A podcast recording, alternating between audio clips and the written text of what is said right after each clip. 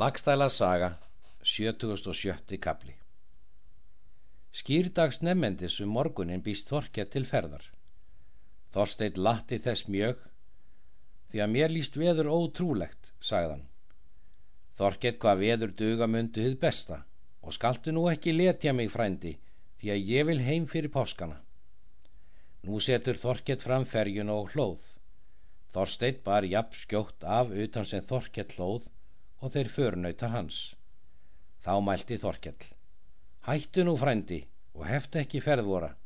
Egi fær þú nú ráði þessa sinni. Þorsteit svarar. Sá okkar mun nú ráða er vermun gegna og mun til mikil straga um ferð þessa. Þorkell bað þá heila hittast. Gengur Þorsteit nú heim og er ókátur mjög. Hann gengur til stofu og býður leggja undir höfuð sér og svo var gert. Griðkonan sá að tárin runnu ofan á hægindið úr augum honum, en litlu síðar kom vinsknýr mikill á stofuna. Þá mælti Þorstein. Þar megum við er nú heyra gnýja bana á Þorkels frænda. Nú er að segja frá ferð þeirra Þorkels. Þeir siglum dægin út eftir breyðafyrði og voru tíu á skipi. Veðri tóka hvessa mjög og gerði hinn mestastorm áður létti. Þeir sóttu knálega ferðina og voru þeir menn hinni röskustu. Þorkell hafði með sér sverði sköpnung og var það í stokki. Þeir Þorkell sigla þar til er þeir komið að bjarnar ei. Sáu menn ferðina af kóru tvekja landinu. En er þeir voru þar komnir þá laust kviðu í seglið og kveldi skipinu. Þorkell druknaði þar og allir þeir menn er með honum voru. Viðuna rak víða um eigjar. Hortstafina rak í þá eigjar stafi heitir síðan. Sköpnungur var festur við innviðuna í ferjunni. Hann hittist við sköpnungsei. En það sama kveld er þeir Þorkell hafðu druknað um daginn var sá atbörður að helgafelli að Guðrún gekk til kirkju þá er menn voru farnir í rekkjur og er hún gekk í kirkjugarsliðið þá sá hún draug standa fyrir sér. Hann lauti yfir hann og mælti. Mikil tíðindi Guðrún, sagði hann. Guðrún svarar. Þegið þú yfir þeim þá armi. Gekk Guðrún til kirkju svo sem hún hafði áður ætlað og er hún kom til kirkjunar þá þóttust hún sjá að þeir þorkett voru heimkomnir og stóðu úti fyrir kirkju. Hún sá að sjá rann úr klæðin þeirra. Guðrún mælt ekki við þó að gekkin í kirkju og dvaldist þar slíka hríð sem henni síndist. Gengur hún síðan inn til stofu því að hún ætlaði að þeir þorkett myndu þangað gengnir. Og er hún kom í stofuna þá var þar ekki manna. Þá brá Guðrunu mjög í brún um atbyrð þennan allan jafn saman.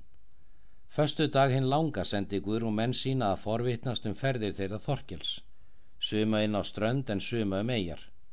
Var þá rekin víða, komin um eigjarnar og svo til kvorrar tveggju strandar. Þvottægin fyrir páska spurðust tíðindin og þóttu vera mikil því að Þorkell hafði verið mikil höfðingi. Þorkell hafði átta vetur hins fymta tugar, þá er hann druknaði en það var fjórum vetrum fyrr en hinn heilagi Ólafur konungur fjall. Guðrunu þótti mikið fráfatt Þorkels en bar þó skörulega af sér. Fátt eina náðist af kirkjuviðinum. Gjallir var þá fjórtán vetra gamal. Hann tók þá til búsum síslu með móður sinni og tók við manna forráði. Var það brátt auðsagt á honum að hann var vel til fallin til fyrirmanns. Guðrún gerist trúkona mikil Hún namn fyrst hvenna saltar á Íslandi. Hún var laungum um nætur að kirkju á bænum sínum. Herdís Bolladóttir fór jafna með henni um næturnar.